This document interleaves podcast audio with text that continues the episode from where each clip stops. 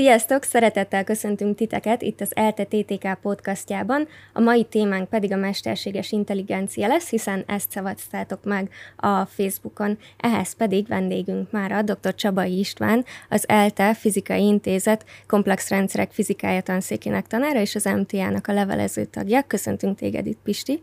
Én is köszöntelek, és köszöntöm a hallgatóságot is.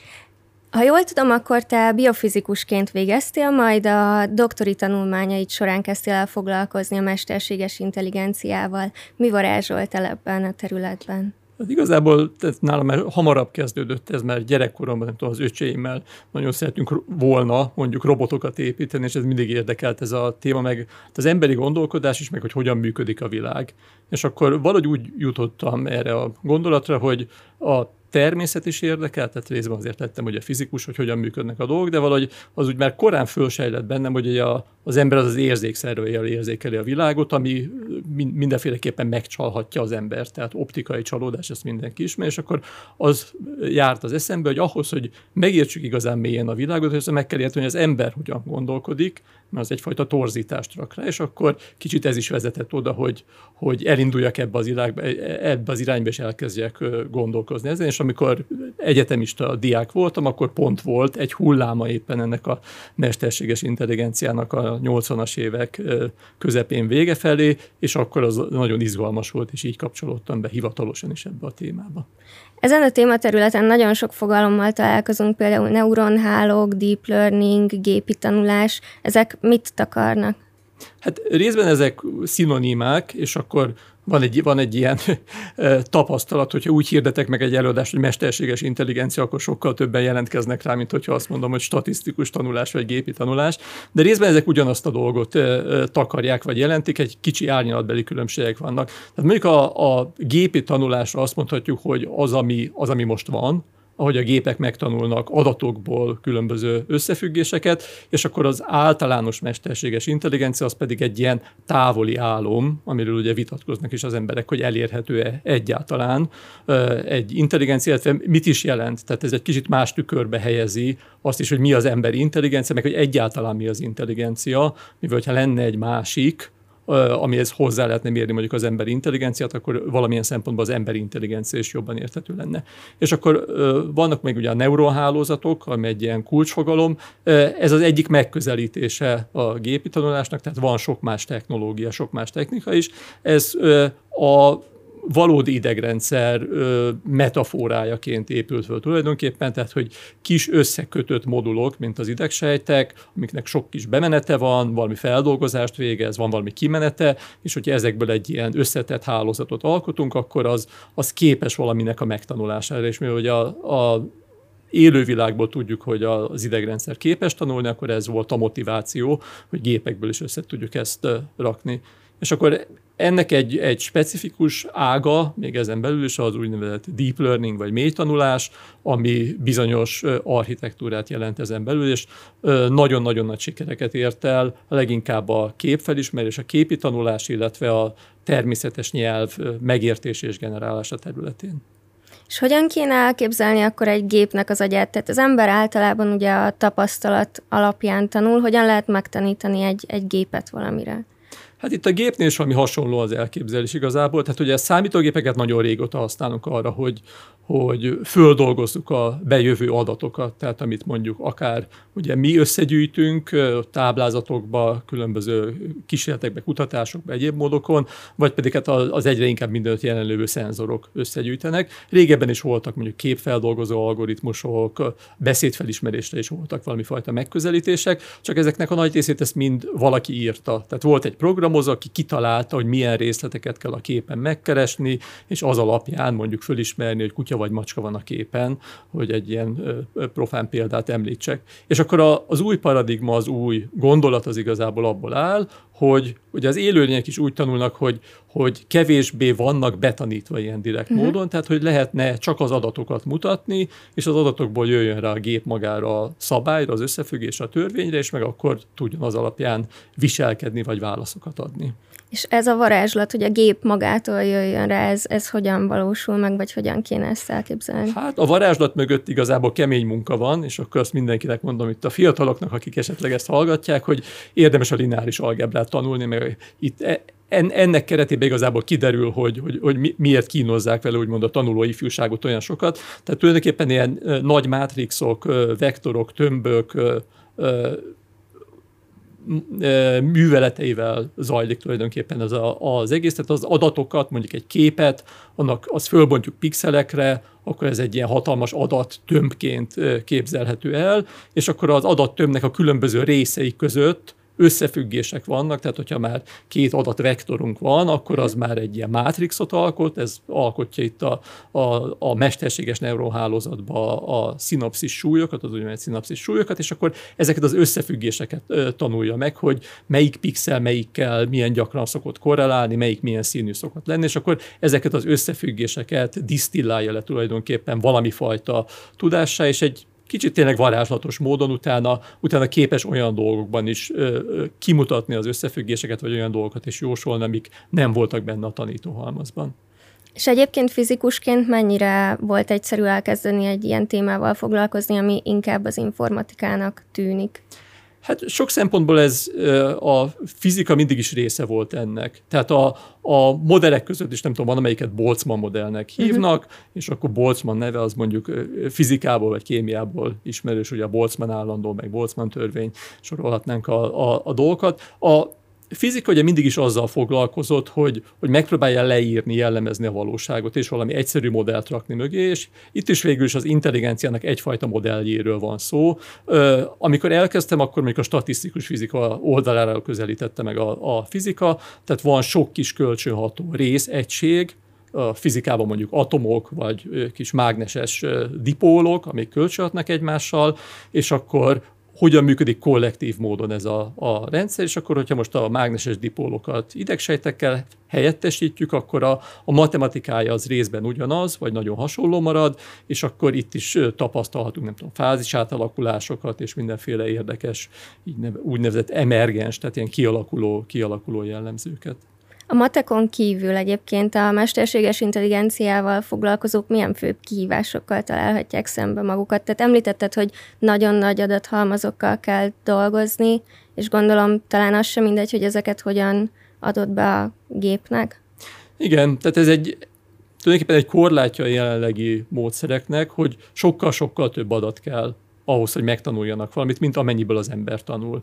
Tehát az ember ugye, amiatt, hogy viszonylag kicsi a sávszélessége, ugye amilyen rátával beszélni tudunk, épp az előbb beszéltünk arról, hogy lehet ezt a podcastot is meg kétszeres sebességgel hallgatni, de mondjuk húszszorosan már valószínűleg nem lehetne, nem lehetne megérteni. Tehát van egy ilyen ráta, amivel az ember ö, tulajdonképpen begyűjti az információkat, ö, a gépek sokkal nagyobb rátával tudják gyűjteni az információt, de nem csak emiatt, hanem valahogy a módszereink nem kellően kifinomultak, vagy nem kellően kidolgozottak még ahhoz, hogy ugyanolyan kevés adatból, ugyanolyan kevés információból tudjanak a gépek tanulni, mint amiből az ember tanul. Tehát az biztos, hogy sok szempontból más azért a jelenlegi, jelenlegi úgymond mesterséges intelligencia vagy gépi tanulásnak a, a megközelítése vagy az alapja, mint ahogy az ember igazából tanul.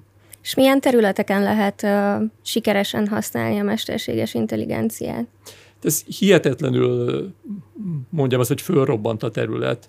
Tehát pár évvel ezelőtt ez viszonylag tényleg speciális eszköztár volt, amit olyanok használtak, akik nem tudom, informatikával fel voltak vértezve, illetve nagyon speciális adatok feldolgozására használták ezt az egészet, de most hát sok-sok kutatási projektben van szerencsém részt venni, és a molekuláris genetikától kezdve a, a csillagászaton át, az űrfizikán át, a járványtanig, szinte minden területen, minden területen egyre inkább használják ezeket a módszereket, nagyon univerzálisak. Már itt járunk a kutatócsoportodnál, eléggé sokszínű, és októberben volt a meráknak a hónapja. Egy fizikus például a mesterséges intelligencia segítségével hogyan harcolhat a merák ellen? Azt említettem már, hogy az egyik fő sikerterülete itt a mesterséges intelligenciának az a gépi látás, vagy a képeknek a felismerése. Ugye egy darabig igazából nem annyira fontos képeken ment a verseny, az, hogy kutyákat, macskákat, autókat, székeket és hétköznapi dolgokat milyen pontossággal tudnak fölismerni ezek a mesterséges neuronálok, és akkor a nagy cégek is hirdettek ilyen versenyeket, illetve nagyon nagy erőfeszítéseket, úgy hardware, szoftver fejlesztést beletettek ebbe az egészbe, de szinte egyik évről a másikra olyan szintre értek ezek a, ezek a módszerek, hogy bármilyen képhalmazt, hogyha elég sok képünk van, akkor legalább olyan pontosan tudják mondjuk osztályozni, vagy rajtuk bizonyos részleteket felismerni a gépek, mint ahogy az ember. És akkor vannak ugye ezek a speciális képek az orvosi képdiagnosztikában, a röntgenfelvétel, az emeri felvétel, patológiai mikroszkópos felvételek, amit ugye az embernek nagyon sokáig kell tanulni, mivel nem arra teremtődött úgymond az ember szeme, vagy az embernek a képfelismerés, hogy ezeket pontosan ki tudja értékelni, és akkor itt különösen lehet számítani ezekre a mesterséges intelligencia módszerekre. És akkor az egyik nagyon tehetséges doktoranduszom, Bibli Dezső, például részt vett egy nagy nemzetközi versenyen, ahol ez volt kitűzve, hogy mutattak képeket, emlődaganatos és egészséges felvételeket, és a módszernek, a versenynek az volt a lényege, hogy olyan képeken, amiket nem mondták meg, hogy, hogy ez rákos vagy nem rákos felvételből származik, akkor el kellett dönteni.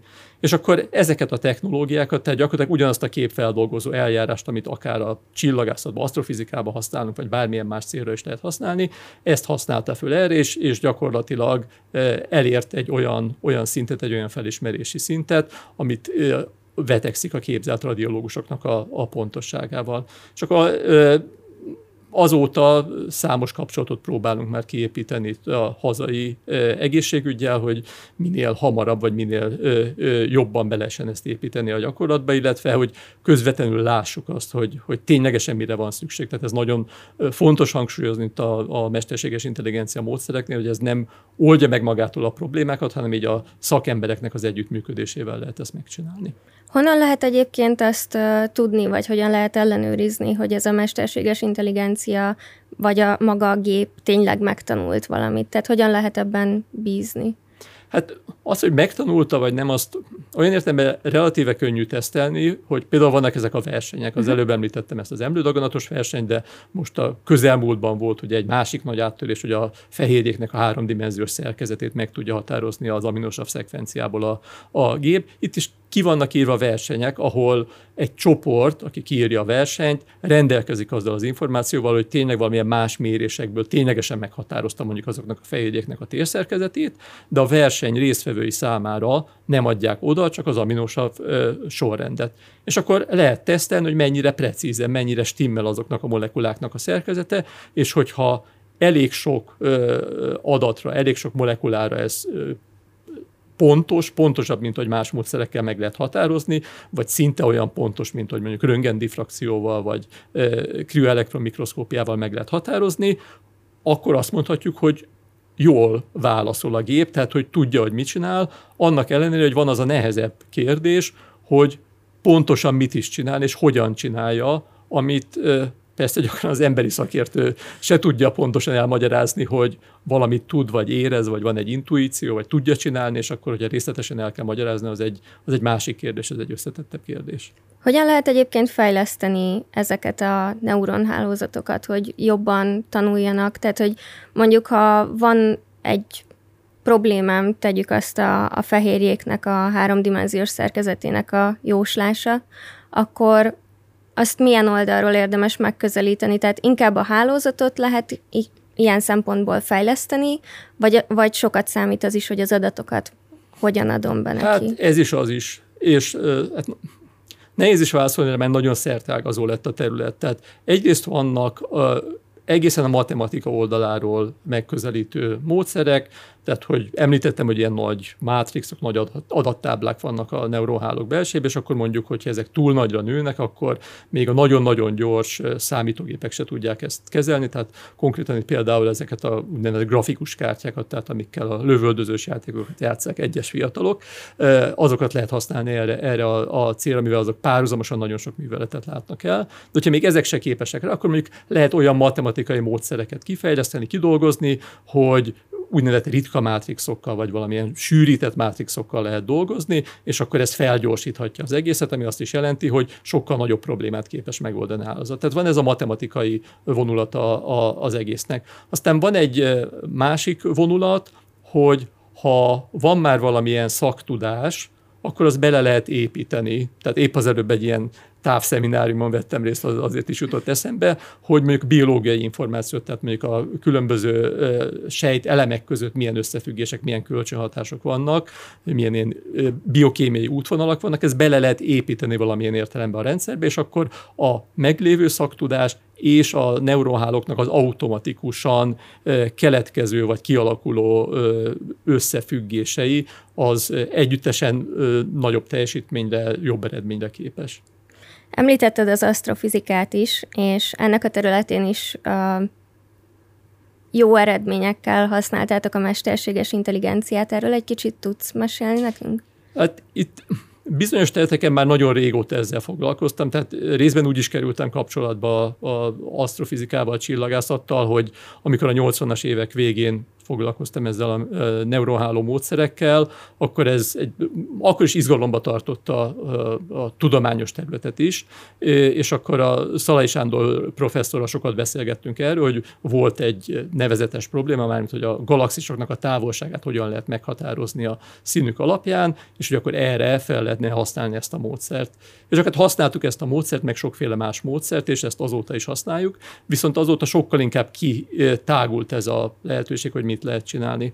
Az asztrofizikában ott nagyon röviden összefoglalva azt tudjuk csinálni, hogy bizonyos folyamatokat le tudunk szimulálni, tehát például a, ugye a gravitációs kölcsönhatást azt tanulja mindenki a középiskolába, két test között a Newton-féle gravitációs törvényt, ezt ki lehet terjeszteni nagyon sok testre. Tehát az univerzumban lévő szinte összes galaxis közötti gravitációs kölcsönhatást le lehet szimulálni a számítógépbe, ez még nem mesterséges intelligencia, és akkor ki lehet számolni, hogy az ősrobbanástól indulva hogyan csomósodik az anyag, és hogyan oszlik el mondjuk a jelenkorban.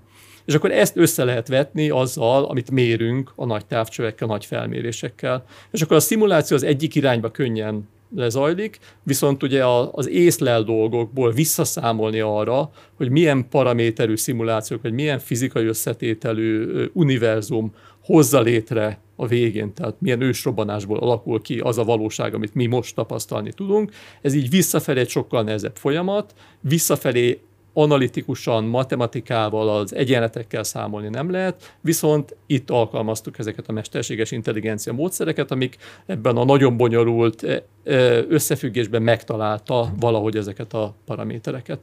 Tehát akkor a mesterséges intelligencia néha rá tud mutatni olyan ö, részletekre, amikre mondjuk mi emberek nem jönnénk rá, vagy csak nagyon sok idő alatt? Igen, ezt is mondhatjuk, illetve itt ebben a speciális helyzetben még egy még érdekesebb dolog történt, hogy igazából maga ez a, ez a módszer, ez a mesterséges intelligencia alapú módszer föltalált egy relatíve egyszerűen megérthető módszert, tehát ahelyett, hogy nem akarok csúnya szavakat használni, tehát ahelyett, hogy a teljesítménysűrűség spektrummal vizsgáltuk volna a sötét anyagnak az eloszlását, ahelyett egy viszonylag egyszerű képfeldolgozó módszert fedezett fel, illetve fedezett fel újra a gépi tanulás, ami egyébként más területeken, tehát a képfeldolgozásban ismert volt eddig is, csak az asztrofizikusoknak az eszköztárába nem volt tipikusan benne, mivel mm. más módszerekkel szokták megközelíteni ezt a problémát, és rábukkant úgymond a neuronhálózat arra, hogy egy relatíve egyszerű, máshol gyakran használatos módszerrel is meg lehet közelíteni ezt a problémát, sőt jobb eredményeket lehet elérni. És a kutatócsoportodban milyen projektek vannak még, amiben a mesterséges intelligenciát használjátok? Hát nagyon sok ö, projekt van, igazából tényleg kicsit már túl sok is, hogy kollégák keresnek meg, hogy hú, van egy érdekes kérdés, és akkor hogyan lehetne ezt megközelíteni.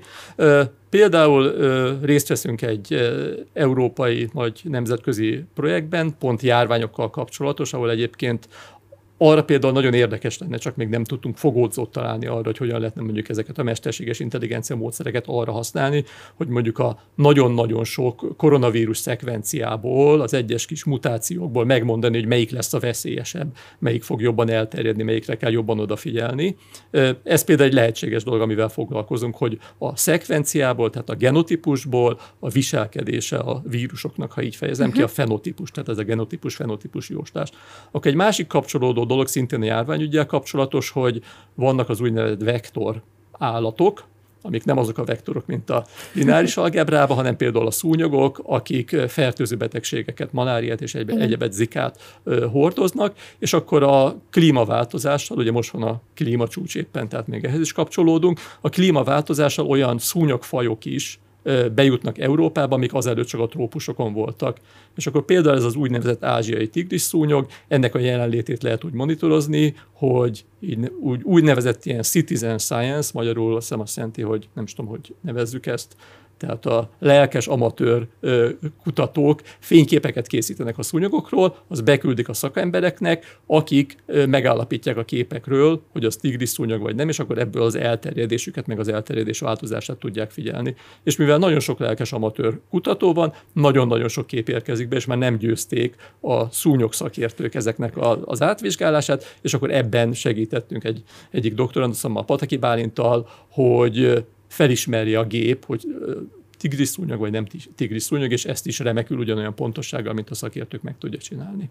Tehát akkor igazándiból a civil emberek is hozzá tudnak járulni ilyen szempontból a tudományhoz, hogy gyűjtik a sok adatot, illetve a tudósok megmondják, hogy akkor mi van, elkülönítenek egy kicsi részt, ami majd a vizsgája lesz a mesterséges intelligenciának, és akkor így be lehet ezekre Igen, tanítani. ez egyébként én szerintem egy nagyon fontos folyamat, amiben ez a mesterséges intelligencia is benne van, meg ezek a szenzorok, a mobiltelefon, hogy úgymond demokratizálni a tudományt, és hogy mindenki, mindenki részt vehet benne. Tehát mondjuk az a világjárvány, ez világosan kimutatja azt, hogy ez egy, ez egy közös probléma, meg egy közös feladat az ezzel való ö, szembeállás, vagy ennek a megszüntetése.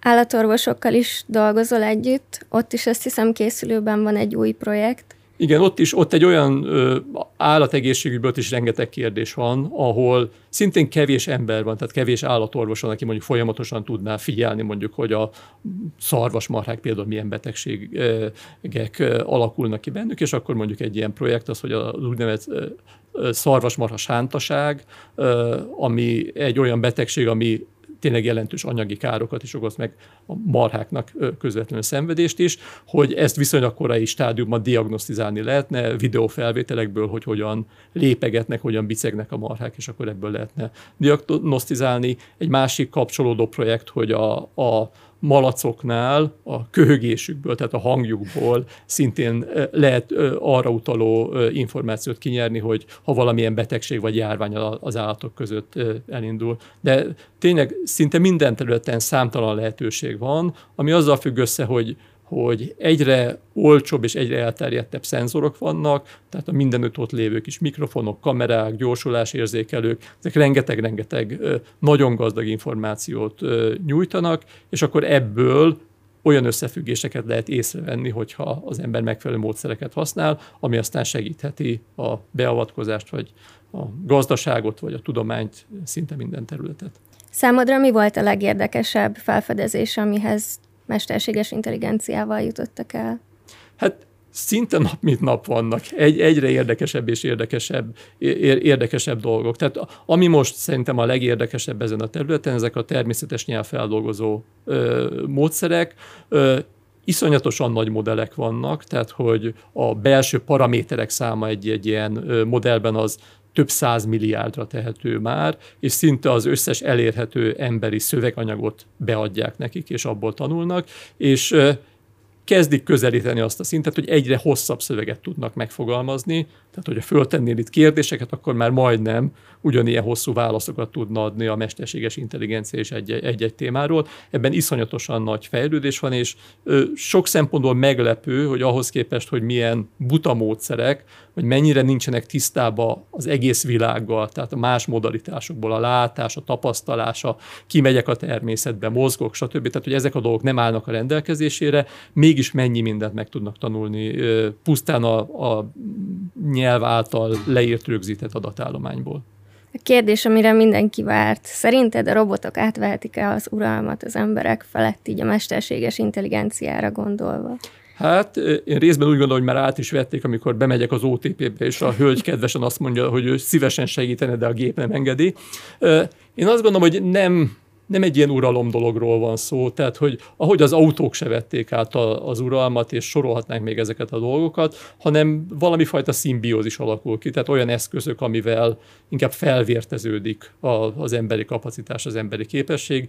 Ez én azt gondolom, hogy ez szinte elkerülhetetlen. Tehát ez már most is ugye mobiltelefon nélkül sokan nem tudnak meglenni, vagy GPS nélkül nem tudnak tájékozódni, és akkor szerintem ez még tovább fokozódik, hogy, hogy az a tudásteher, ami az idegrendszerünkre nehezedik, tehát egy csomó dolgot meg kell tanulni, egy csomó összefüggést, azt már most is ugye az internetről és ezekből a forrásokból szedjük, és akkor ez szerintem ez így szervesen tovább alakul, hogy egy csomó funkciót, akár még szövegek fordítása, az automatikusan elég jól megy egyébként, azok is egyre jobbak ezek a gépi fordítások, és akkor ez valahogy így, én szerintem így szervesen össze fog épülni ez a két dolog.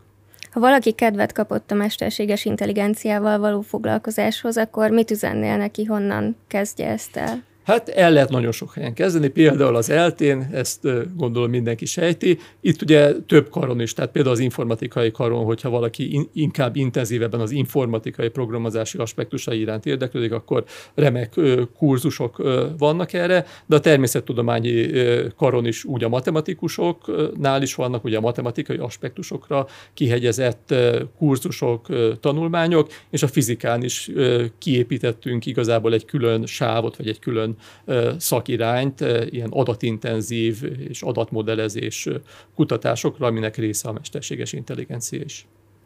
Köszönjük szépen, Pisti, hogy itt voltál velünk. Hogyha szeretnétek egy kicsit bővebben hallani még a mesterséges intelligenciáról, Pistinek az előadásában, akkor keressétek meg YouTube-on az Atom Csillás előadását, illetve, hogyha tetszett a mai adás, akkor iratkozzatok fel a csatornánkra, vissza tudjátok hallgatni, hogyha lemaradtatok volna valamiről Spotify-on, Apple Podcaston és Google Podcaston, jövő héten pedig ugyanitt ugyanekkor találkozunk. Sziasztok! Én is köszönöm a lehetőséget.